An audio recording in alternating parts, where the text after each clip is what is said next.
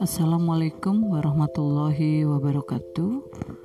Terima kasih uh, anak-anakku.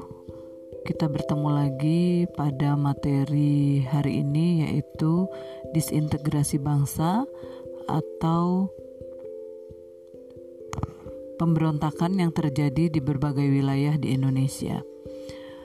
Setelah Indonesia merdeka, Indonesia masih mengalami kekacauan yang dikarenakan banyaknya uh, pemberontakan-pemberontakan yang terjadi yang masih menginginkan pemisahan diri dari Republik Indonesia tercinta ini.